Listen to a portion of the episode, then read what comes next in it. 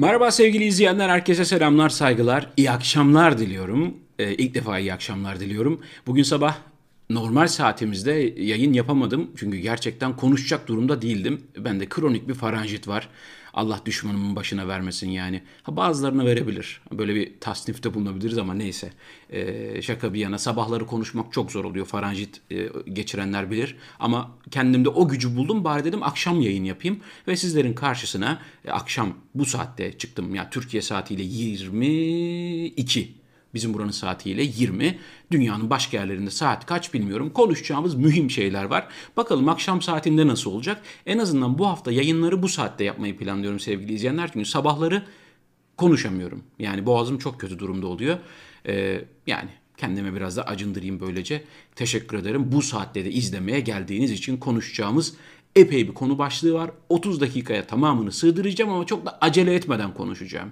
Yani hakkını vere vere konuşalım ama konuşacağımız birçok şey var sevgili izleyenler. Tabii ki yayını paylaşabilirsiniz, like yapabilirsiniz, kanala abone olabilirsiniz, katıl butonundan destekleyebilirsiniz, Patreon'dan vesaire. Bu detayları hatırlatmaya gerek oluyor bazen. Bazen oluyor. Başlıyorum.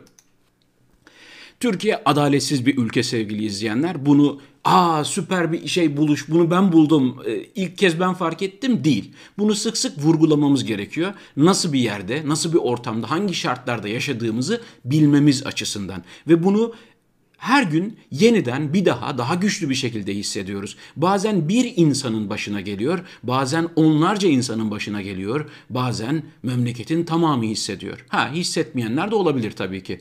Birkaç örnek vereceğim size. Bugün gerçekleşen iki örnek. Belki daha fazlasını da duyacaksınız bu programda. Mısra Öz oğlunu kaybetti. Kocasını kaybetti. Çorlu'da tren kazasında, tren faciasında. Kaza biraz şey kaçıyor burada. Bu kaza değil burada burada kasıt var, burada ihmal var. Burada peşkeş çekilen ihaleler var, burada görevi ihmal var, bir sürü şey var.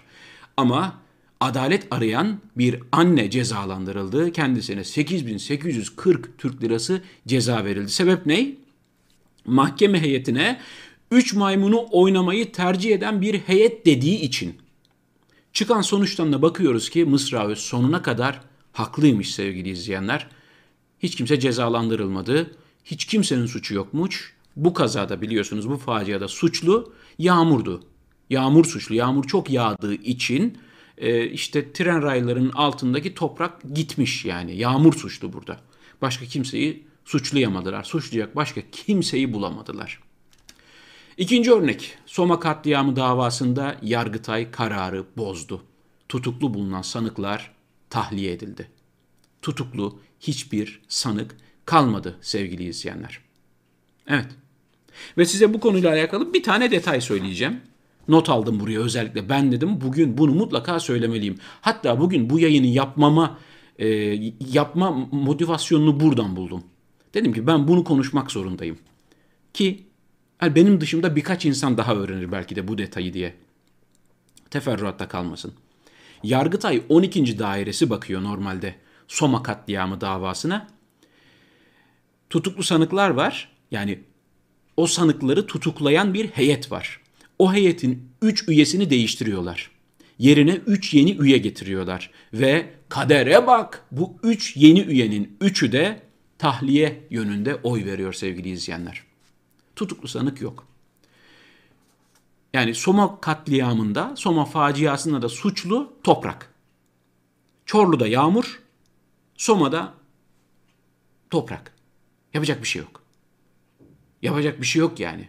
Kesinlikle kendileri hatadan münezzeh, vergiden muaf. Öyle ya. Hata, kusur, suç, günah hiçbir şey bulaşmıyor maşallah. Hepsinin teflon suratları var, hiçbir şey yapışmıyor. Aynen devam ediyorlar. Ve sizle şu detayı paylaşacağım sevgili izleyenler. 2021'in ilk ayında, şu an 2021 yılının içindeyiz. Şubat ayındayız. Geçtiğimiz aydan bahsediyorum. Bugün ayın 9'u. Yani Ocak ayında, sadece Ocak ayında toplam 199 işçi ölmüş sevgili izleyenler. Bunlara iş cinayeti diyoruz biz. Tabi burada suçlu kim? Burada da kader. Burada da kader. Allah yani hani şey olmasın da Azrail yani gidip neden şantiyede çalışan işçiye şey yapıyor? Hani artık oraya geldi. O hiçbir hata kabul etmiyorlar çünkü. Yani tren yolu ihalesini kime verdiniz? Bu kontrolleri kim yapmadı? İşi kim eksik yaptı? Bunlar konuşulamıyor. Konuşursanız yani çocuğu ölmüş bir annenin düştüğü durumu görüyorsunuz. Düşürdükleri durumu görüyorsunuz. Bakın Mısra Öz'ün cümlesini okuyayım sevgili izleyenler. Beni Silivri'ye atsalar ben zaten 900 küsür gündür acılar içinde zindanlardayım diyor. Ama suçlu bulunuyor. Adalet istemek suç. Ve sadece bir ayda Ocak ayında 199 işçi bu da kayıtlara geçen tabii ki ölmüş. AKP iktidarında iş cinayetlerinde hayatını kaybeden emekçi sayısı 26 bin. Bu kayıtlara geçen. Ulaşabildiğimiz. 26 bin sevgili izleyenler. 26 bin bir daha söyleyeyim. Sonra buradan geçiyoruz bugünün sıcak konusuna. İki ray üzerinde gitmesi gereken treni götüremeyen, tren yollarında insanların öldüğü ülkenin cumhurbaşkanı. Madenlerde işçilerin öldüğü cumhurbaşkanı. Sadece Ocak ayında 199 işçinin öldüğü ülkenin cumhurbaşkanı. Son 18 yılda 26 bin işçinin öldüğü ülkenin cumhurbaşkanı Ay'a gideceğiz dedi. İnşallah Ay'a gidiyoruz dedi. Evet. İki tane rayın üzerinde dümdüz gitmesi gereken treni götürmeyi başaramayan bu işin fıtratında var. Ne yapalım bu ölümlü dünya, fani dünya diye. Ölümün bir de üzerinde böyle gevrek gevrek konuşan işte Cumhurbaşkanı Ay'a gideceğiz dedi sevgili izleyenler. 2023 sonunda yakın dünya yörüngesinde ateşleyeceğimiz kendi milli ve özgün hibrit roketimizle Ay'a ulaşacak sert iniş gerçekleştireceğiz dedi. İnşallah o sert iniş sırasında ya da sert yükselme sırasında göklerdeki yerli ve milli uçağımıza çarpmazlar. Zavallı kaldı o gökyüzünde biliyorsunuz. O kadar yükseldi ki yer çekiminden artık koptu. Yörüngede dolaşıyor. Evet evet. Uluslararası uzay istasyonuyla beraber yörüngede öyle dolaşıyor başıboş bir şekilde. İnşallah ona falan çarpmazlar. Ya da çıkmışken onu da alıp getirsinler. Çünkü biliyorsunuz yerli uçağımız göklerde. Yapacak bir şey yok. Bir şekilde onu da bulup getirmemiz lazım. Halkımız görsün. Halkımız bundan habersiz kalmasın sevgili izleyenler. Doğru mu? Doğru. İnşallah giderler aya bu arada. Hani gide, gitmesinler demiyorum. Gitsinler tabii canım. Başarırlarsa gurur duyarız gitsinler. Ama şöyle bir şey var. Bu kadar adaletsizliğin, bu kadar insan hakkının, bu kadar işçi ölümünün olduğu bir ülkenin uzaya gidebilmesi mümkün mü? Aslında tabii ki mümkün. Çin uzaya gidiyor mu? Gidiyor. Çin çok demokratik bir ülke mi? Çin'de zulüm yok mu? Adaletsizlik yok mu? Tabii ki var. Ama ama Çin'in elinde o güç var. Çin birkaç milyar euro, dolar kredi vererek Türkiye'nin hükümetini satın alabiliyor mesela. Mesela Doğu Türkistan'daki katliamlar hakkında, insan hakkı ihlalleri hakkında hepsini dut yemiş bülbüle çeviri veriyor. Hepsini balık yutan penguene çeviri veriyor. Çin zengin bir ülke. Ama Türkiye Cumhuriyeti Devleti vatandaşından İban'la yardım isteyen, sadaka toplayan, boş geçmeyelim. Ne verirsen elinle o gider seninle. Bir tuğla da sen koy diye vatandaşından para isteyen, her felakette vatandaşından 10 lira toplayan Türkiye Cumhuriyeti'nin aya gitmesi hayal, sadece gündem değiştirme çabası biraz da bu konuşulsun. Erdoğan yer çekimi fikrini Newton'dan 7 asır önce dile getiren El Biruni'dir. E o da mı AK Partili? O da mı sizin ürününüz? Ya bu var ya bu zürtes, bu cahil, bu eziklik bu. Bu eziklik biliyor musunuz? Bu eziklikten İslam dünyası, Müslümanlar, Türkiye Cumhuriyeti'nin vatandaşları biz bu eziklikten kurtulamazsak hiçbir şey başaramayız. Bizim atalarımız, bizim sıfırı bulan Müslümandı, onu bulan Müslüman. Sen ne buldun? Sen de sıfırlamayı buldun. Sen de haram yemeyi bir maharet gibi anlatmayı buldun. Sırtını camiye vererek konuşmayı buldun. Sen de bilim insanlarına hakaret etmeyi buldun. Koskoca profesöre yıllarını bilime vermiş, yıllarını eğitime vermiş bir insana Kavala denen kişinin karısı diye hitap eden bir insansın. El Biruni yaşasaydı e büyük ihtimal Boğaziçi'nde hoca olur da onun da anasını ağlatırdınız. İbn Sina'yı hapse atardınız. Ne olacaktı yani? Nefi yaşasaydı siz de onu idam ederdiniz yani. Mevlana'yı taşlardınız, Yunus Emre'yi linç ederdiniz falan yani. Biat etmiyor diye falan filan. El Biruni bulmuştur. Bulsa ne, bulmasa ne? Bundan bize ne? Bulduysa eyvallah. Bulmadıysa ne yapayım yani? Zavallılık. Meral Akşener'den Erdoğan'a Ayşe Buğra çıkışı. Terbiyeli olacaksın, efendi olacaksın. Her şeyin ötesinde bir kadından, bir bilim insanından bahsediyorsun. Sayın Meral Akşener çok yersiz, çok e, umutsuz bir seslenişte bulunmuş. Yani terbiyeli olmak, efendi olmak yok. Lügatlerinde bu ifadeler yok. Ağızlarını açtıklarında tabii ağızlarını açtıklarında böyle işte kadının azizliğinden işte annenin kutsallığından benim annem de bir kadındı ben de bir kadınla evlendim falan diye bundan tabii ki dem vururlar. Bunun politikasını yaparlar. Cennet annelerin ayakları altındadır diye konuşurlar. Lafı kimseye vermezler. Ama diğer taraftan hani mafya bile diyoruz ya mafya bile birbiriyle sürtüşürken işte e, kadınlara dokunmaz diye bir mafya raconu var güya. Böyle bir racondan bahsediliyor. O bile yok. Ama tabii burada her şeyden öte yani her şeyin ötesinde bir kadından hayır. Kendinden olmayan, kendisini desteklemeyen ister karşısındaki kadın olsun, ister erkek olsun. Tamam mı? Yani ister hayvan olsun, ister ağaç olsun, ister dere olsun, ister dağ olsun. Fark etmez. Düşman olarak belliyorsa karşısındakini öyle görüyor. Tek tipleştiriyor.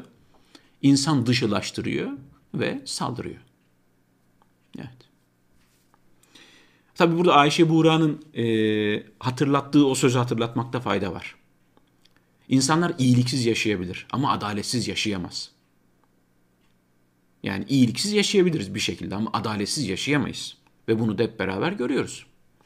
Son 4 yılda yıllık bazda ortalama 40 bin başvuru Anayasa Mahkemesi'ne yapılıyormuş. Yılda 40 bin başvuru yapılıyormuş Anayasa Mahkemesi'ne. Bu gerçekten büyük bir sayı demiş Anayasa Mahkemesi Başkanı Zühtü Arslan. Peki siz ne yapıyorsunuz gelen bu 40 bin başvuruyla alakalı? Ne kadar süründürüyorsunuz? Ne kadar oyalıyorsunuz? Peki bu 40 bin başvuru neden Anayasa Mahkemesi'ne gidiyor? İnsanlar yerel mahkemelerde, insanlar alt mahkemelerde neden haksızlığa uğradıklarını düşünüyorlar? Yılda 40 bin. Kimisi de aman Allah'larından bulsunlar deyip uğraşmıyordur bile. Kaç kişi uğraşabiliyor ya? Kaç kişi mücadele edebilir bu hukuksuzlukla, mahkemeyle? Yani hukuksuzluğun kaynağı mahkeme olursa nasıl mücadele edeceksiniz? Anayasa Mahkemesi'ne bir umut gidiyorlar. Peki orada umut var mı? Buyurun. Anayasa Mahkemesi Başkanı Arslan, kararların uygulanmaması anayasayı tamamen anlamsız ve işlevsiz hale getirebilir. Ya bu bana biraz abartılı geldi. Ne demek işlevsiz hale getirebilir diye. Bir keyif çayı iç, rahatlarsın. Getirdi bile. Ne demek getirebilir? Anayasa Mahkemesi'nin kararı uygulanmıyor. Kusura bakmayın Sayın Zühtü Arslan. Sizin bir üyeniz, sizin bir üyeniz 4 yıldır hücrede. Avrupa İnsan Hakları Mahkemesi hak ihlali kararı verdi. Siz kendi üyenize, meslektaşınıza, birlikte mesai yaptığınız arkadaşınıza sahip çıkmadınız, çıkamadınız. Kusura bakmayın ama o Ermeniyi de ödüttürmeyecektiniz. Verdiniz. Verdiniz. Neden? O size bir gözdağıydı. Siz de o gözdağını afiyetle yediniz. Ondan sonra da gittiniz, çay topladınız, e, şeyini cübbenizde düğme ilik aradınız.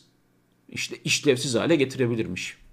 Hala bir anayasanın olduğunu ve uygulandığını düşünüyor olmak da bana biraz abartılı geldi. Hep adalet üzerinden ilerliyoruz bakın. Çin Ankara Büyükelçiliğinde neler oluyor? Neler oluyor acaba? Elçilik önünden alınan 4 Doğu Türkistanlı vatandaştan haber yok. Doğu Türkistanlı vatandaşlar Türkiye'de eylem yapmaya çalışıyorlar. Aileleri hakkında, yakınları hakkında, memleketlerindeki insanlar hakkında seslerini duyurmaya çalışıyorlar. Onlardan bir haber almaya çalışıyorlar ama mümkün değil. Ha bu arada bu insanlara Çin'in e, büyükelçiliğindeki Çinli görevliler saldırmıyor. Çinli polisler falan gelip bu insanları tartaklamıyor. Türk polisi tartaklıyor. Evet. Seslerini çıkarmalarına dahi izin verilmiyor. Bu kadarcık bile tahammül yok. Daha da ötesinde işte birkaç milyar dolar, kaç milyar dolarsa e, o Çin'den alınan kredi, borç ona karşılık bu insanları teker teker satıyorlar. İade edecekler bir de. Evet. Külliyedeki atıklar bu arada bu arada Propaganda devam ediyor. Külliyedeki atıklar geri dönüştürülerek sokak hayvanlarına yuva oldu. Ay ne kadar ponçik ne kadar sevimli. First Lady'miz Emine Erdoğan sokak hayvanlarıyla ilgileniyor. Köpeğin boynundaki tasmanın da Hermes olduğu öğrenildi filan. Yani siz neden bahsediyorsunuz ya? Siz neden bahsediyorsunuz? Bakın bu bu propaganda sevgili izleyenler. Bir iktidar böyle fotoğraflar, böyle haberler paylaşıyorsa bilin ki bu iktidar çok can yakıyor demektir. Çok insanın canını yakıyor demektir. Sadece insanın değil, çok hayvanın da canını yakıyordur. Çok ağacın da canını yakıyor demektir. Yani çok kucakladık diyorlar ya. Evet evet hiç ayırt etmeden, ayırt etmeden her şeyin canını acıtıyordur demektir. Ya bırakın sokak hayvanlarına bakan insanlar var Türkiye'de. Valla size, size hiç ihtiyaçları bile yok. Gölge etmeyin başka ihsan istemez. Gerçekten sokak hayvanlarına öyle gönüllü bir şekilde bakan, öyle karşılıksız bir şekilde bakan insanlar var ki. Keşke onlara sadece yardımcı olsanız, gölge falan etmeseniz yani böyle pozlar vermeseniz.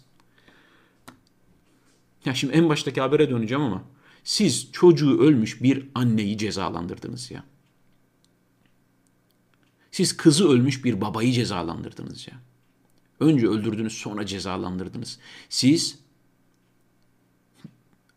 çocuğu ölmüş bir anneyi meydanlarda yuhaladınız, yuhalattınız, bundan keyif aldınız. Bundan haz aldınız siz. Bırakın köpekleri rahat bırakın, sokak hayvanlarını rahat bırakın. Bari onlar huzur bulsun. Eski Hazine ve Maliye Bakanı Berat Albayrak'ın istifa etmesinin ardından kamuoyunun önüne çıkmaması ile ilgili CHP Gençlik Kolları'nın 81 il ve ilçelerinde uyguladığı afiş dağıtımı hakkında İzmir Kemalpaşa'da adli işlem yapıldı. 3 CHP'li genç gözaltına alındı. Berat Albayrak nerede diyorlar? Sayın Emin Erdoğan. Torunlarınızın babası, kızınızın kocası, damadınız yok ortada. Sokak hayvanlarıyla ilgilenmeyi bırakın. Bırakın saraydaki artan elma kabuklarıyla sirke yapmayı bırakın onu hizmetçileriniz yapsın. Zaten sarayda yeterince hizmetçiniz vardır. Siz bırakın aşure tenceresini falan. Damadınız yok ortada.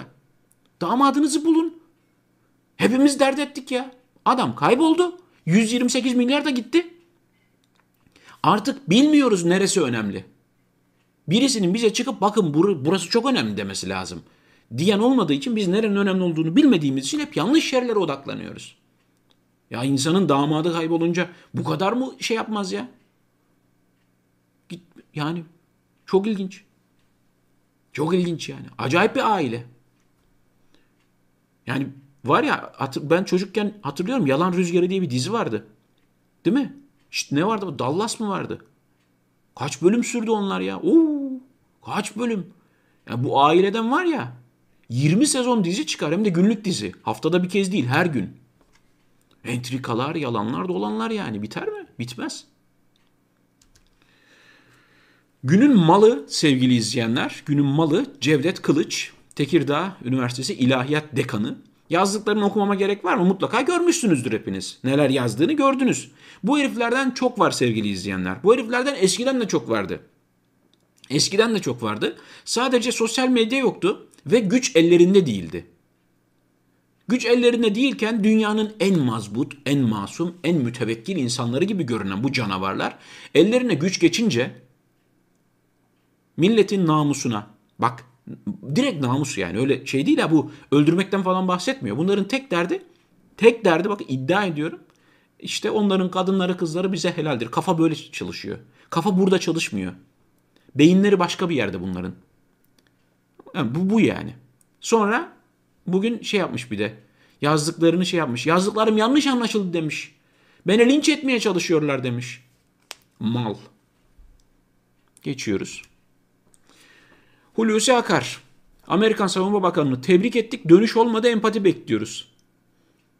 Adamlar da şimdi şey olmuştur yani.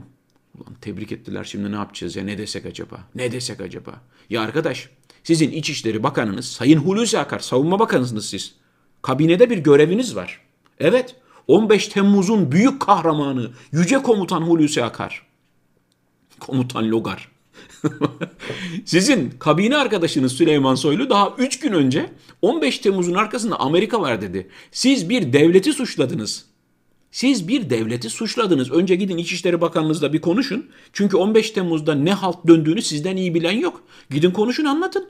15 Temmuz'un arkasında kim varmış ne varmış konuşun canım. Kendi aranızda mı konuşmuyorsunuz? Mahkemeye gitmediniz anladık. Meclisteki komisyonda konuşmadınız anladık. Bir ülkeden, bu ülkenin 80 milyon vatandaşından gerçekleri gizliyorsunuz anladık da. Orada kafası parlak bir çalışma arkadaşınız var. Gidin konuşun bakalım. Ya 3 gün önce darbe darbeyle ülkenize darbe yapmakla suçladığınız hükümetin savunma bakanından şey mi bekliyor? Bir hay bile demedi ya. O kadar aradık tebrik ettik yani. Ha.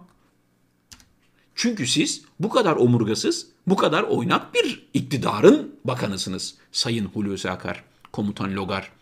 Milli Savunma Bakanı Akar'dan S-400 açıklaması. Sürekli kullanacağız diye bir şey yok. Tamam S-400'ü aldık. Oraya gömdük bilmem kaç milyar doları. Diğer taraftan F-35 o da gitti. Kaybettiğimiz para aşağı yukarı 15 milyar dolar. Ama olsun yani kullanacağız diye bir şey yok. Yani biz onu da yalarız, tükürürüz. Öbürünü de yalarız efendim. Kahvenin köşesindekilerden biri de bu. S-400 aldık ama valla kullanır mıyız, kullanmaz mıyız biz de bilmiyoruz yani. Sürekli kullanacağız diye bir şey yok canım. Sönmüş falan hani. yani bu yani sayın seyirciler siz Amerikan Savunma Bakanı olsanız Hulusi Akar'la muhatap olmak ister misiniz ya? Ama olursunuz. Karşınızda böyle birisi varsa istediğiniz gibi kullanırsınız sonuçta. Kayyum Rektör Melih Bulu'nun yüksek lisans tezinde de intihal yaptığı ortaya çıktı. Bakın en sonunda nereye varacak olay biliyor musunuz? Bu adamın kendisi de büyük ihtimal intihal. Bu adam birisinin kimliğini çalmış. Aslında Melih Bulu hani başka birisiymiş. Bunun adı büyük ihtimal şey çıkacak ya böyle. E, Ahmet Hamdi Çamlı'nın Yeliz'i var ya. Bu böyle sahte bir kimlik yapmış kendine. Birisinin kimliğini çalmış. Meğerse Melih Bulu yıllar önce ölmüş. Sırlar dünyası gibi bir şey bu adam. Yıllar önce ölmüş onun kimliğini almış bu. Akademisyen akademisyen diye kendisi de intihal çıkacak en sonunda. Yani böyle bir şey yok. Yani bu adamın acaba ilkokulda yazılıları falan filan nasıl? Ne biçim kopya çekiyordu yani bu adamın öğretmenleri falan çıksınlar konuşsunlar. Ülkeyi bu dertten kurtarsınlar yani. Boğaziçi'li öğrencilerden Melih Bulu'nun yardımcısına tepki. Görev alırken utanmadınız mı? Utan bir dakika bir dakika. Utanmak? Neyin? Utanmak. Bu e, hangi dilden Türkçe mi bu kelime? Utanmak. Ut, ut. Ut sazla alakalı bir şey mi bu? Böyle ut diye bir şey var. Ben hiç bilmiyorum. Utanmak hiç duymadım. Bir annem arayayım bir ailemle görüşeyim. Alo? Utanmak ne? Yani aile terbiyesi dediğimiz bir şey var ya. İnsan annesinden utanır, babasından utanır. Evvela. Çoluğundan, çocuğundan utanır. Normalde varsa böyle bir duygu. Ya ben çocuklarımın yüzüne nasıl bakacağımlar ya? Yani. Tabii ki e, yardımcı bey, kayyum yardımcısı e, herhangi bir şey söylememiş. Yani hiçbir cevap vermemiş buna. Diyorum ya utanmak. Yok ben bilmiyor. Yani ben utanmak bilmiyor yani. Dil ve Tarih Coğrafya Fakültesi Dekanlığından duyuru. Gördünüz mü bunu sevgili izleyenler? Bilimsel bir faaliyet olarak programlanan Dünya Yunanca Günü etkinliği amacını aşan bir algılamaya sebep olduğundan iptal edilmiştir. Kamuoyuna saygıyla duyurulur. Yani bilimsel bir çalışma olarak programlandı Dünya Yunanca Günü etkinliği. Nasıl bir algılamaya yol açtı acaba? Türkiye'de nasıl bir kafa var biliyor musunuz sevgili izleyenler? Bir dönem yaşanmış çünkü bunlar. Mesela Rusça öğreniyorsanız kesin komünistsiniz. Arapça öğreniyorsanız irticacı, şeriatçı. Yunanca öğreniyorsanız direkt gavur. Kafa böyle çalışıyor. Ya insan bir dile düşman olabilir mi ya? Bu nasıl bir beyinsizlik ya? Bu nasıl bir zavallılık? Bir dile bir insan nasıl düşman olabilir ya? Dil ya dil. Ellerinden gelse onu da bıçaklayacaklar. Ellerinden gelse dili boğup öldürecekler ya. Allah'tan dil, dil dediğimiz şey böyle kalem gibi, kitap gibi hani bir varlık değil. Yakıp yok edecekler. Allah'tan dil böyle soyut bir şey tamam mı? Yani onların göremeyeceği, dokunamayacağı bir yerde yaşıyor. Bu. Bu kadar. Yani.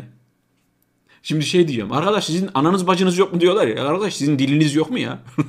Sizin konuştuğunuz bir dil yok mu? Siz kendi dilinize böyle bir şey yapılmasını içinize sindirebilir misiniz?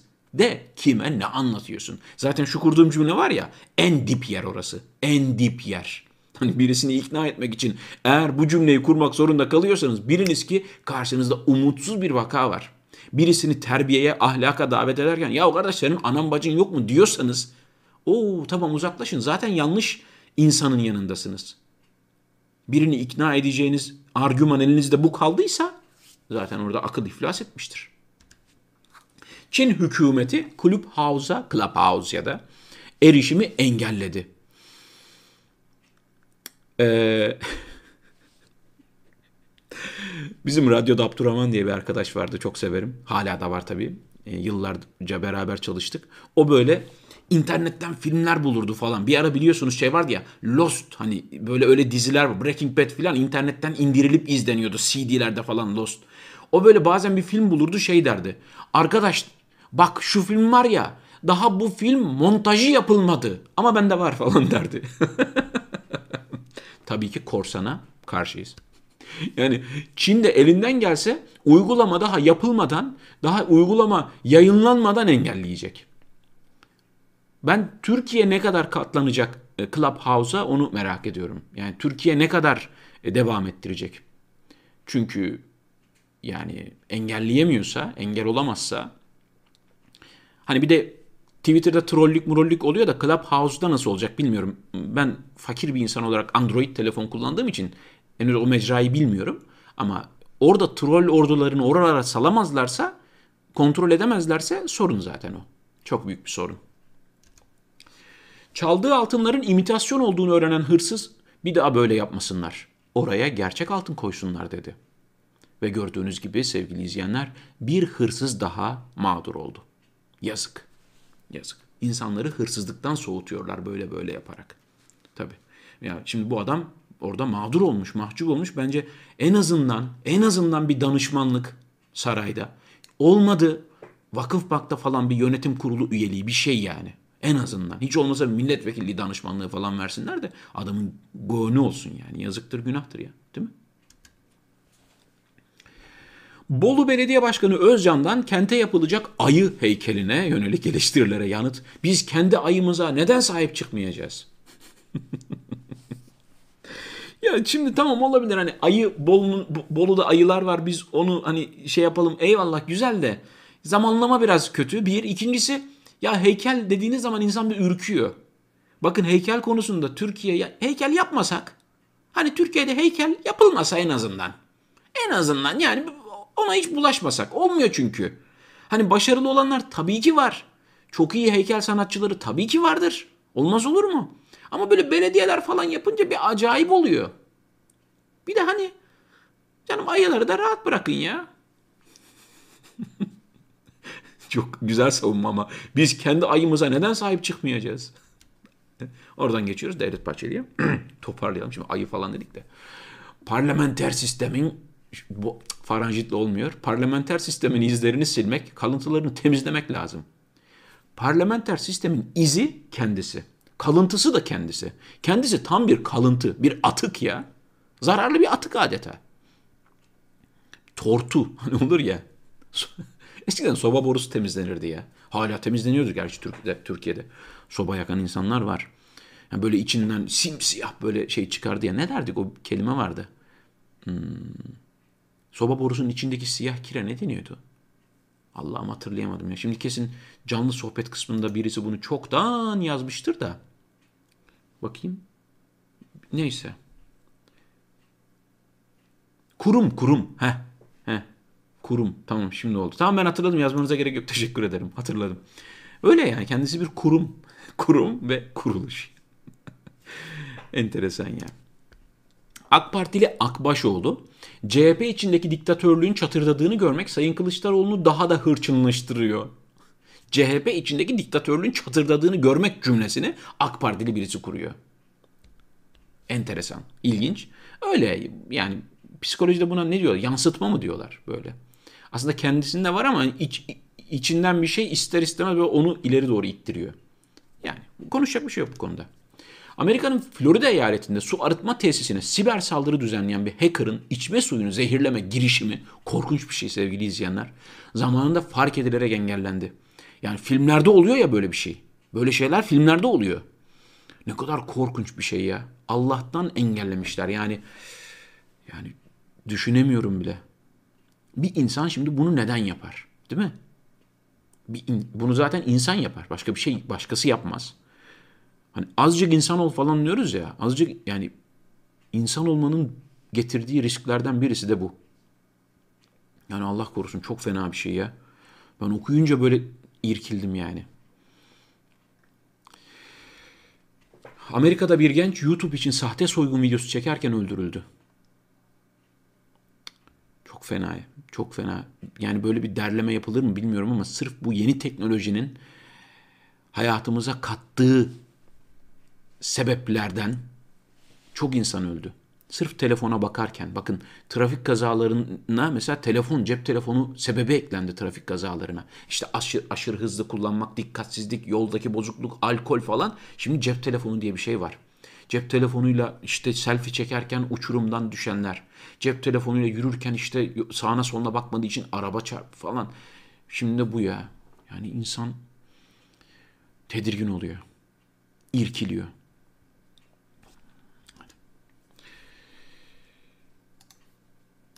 Böyle sevgili izleyenler, gördüğünüz gibi 30 dakikada epey fazla bir konu başlığını, neredeyse 30 e, konu başlığını sizlerle paylaşmayı başardım. Ee, evet, aya çıkacakmışız. Çıkar yani çıkar. Tanzim satış noktaları, bir de ayçiçek yağını inşallah ucuza satabilirsek. Ondan sonra normal düz tren yolunda trenlerin gitmesini, kazasız belasız gitmesini başarabilirsek, inşaatlarda işçilerin ölmesini bir engelleyebilirsek, bir engelleyebilirsek Ay'a da gideriz, Mars'a da gideriz, Jüpiter'e de gideriz. Gideriz yani. Neden olmasın? Bunların hepsini başarabiliriz sevgili izleyenler. Doğru mu? Doğru. Bu arada 2019'da yayınladığım Uzay Hasreti isimli şarkımı dinlemenizi tavsiye ediyorum. Kanalımda var. Ee, öyle müzik e, eseri falan diye beklemeyin ha bildiğim üç buçuk tane akorla öyle bir tane şarkı yapmıştım Uzay Hasreti diye. Zaten hani Türkiye'nin uzay macerasını ancak üç buçuk akorla anlatabilirsiniz. Ben de öyle yaptım. Ee, yani tam benim anla şarkıda anlattığım her şey e, Cumhurbaşkanı'nın ifadelerinde vardı sevgili izleyenler. Ee, yayının başında söyledim. Şimdi bir daha söyleyeyim. En azından bu haftalık yani bu haftalık yayını e, sabah yapamayacağım. Yine yarın Türkiye saatiyle akşam 10'da yapacağım sevgili izleyenler. Çünkü bende kronik faranjit var. Öğretmenlikten kalma bir hastalık. Öğretmenliğin bana hatırası. E, şu anda da bilmiyorum size yansıyor ama yani dudaklarım falan feci durumda. Ee, sabahları daha kötü oluyor. Konuşmakta zorlanıyorum ama akşam bu saatlerde yine de birazcık enerjim olabiliyor. Yarın Türkiye saatiyle akşam 10'da 22'de görüşmek üzere. Kendinize iyi bakın. Sağlıcakla kalın. Hoşçakalın.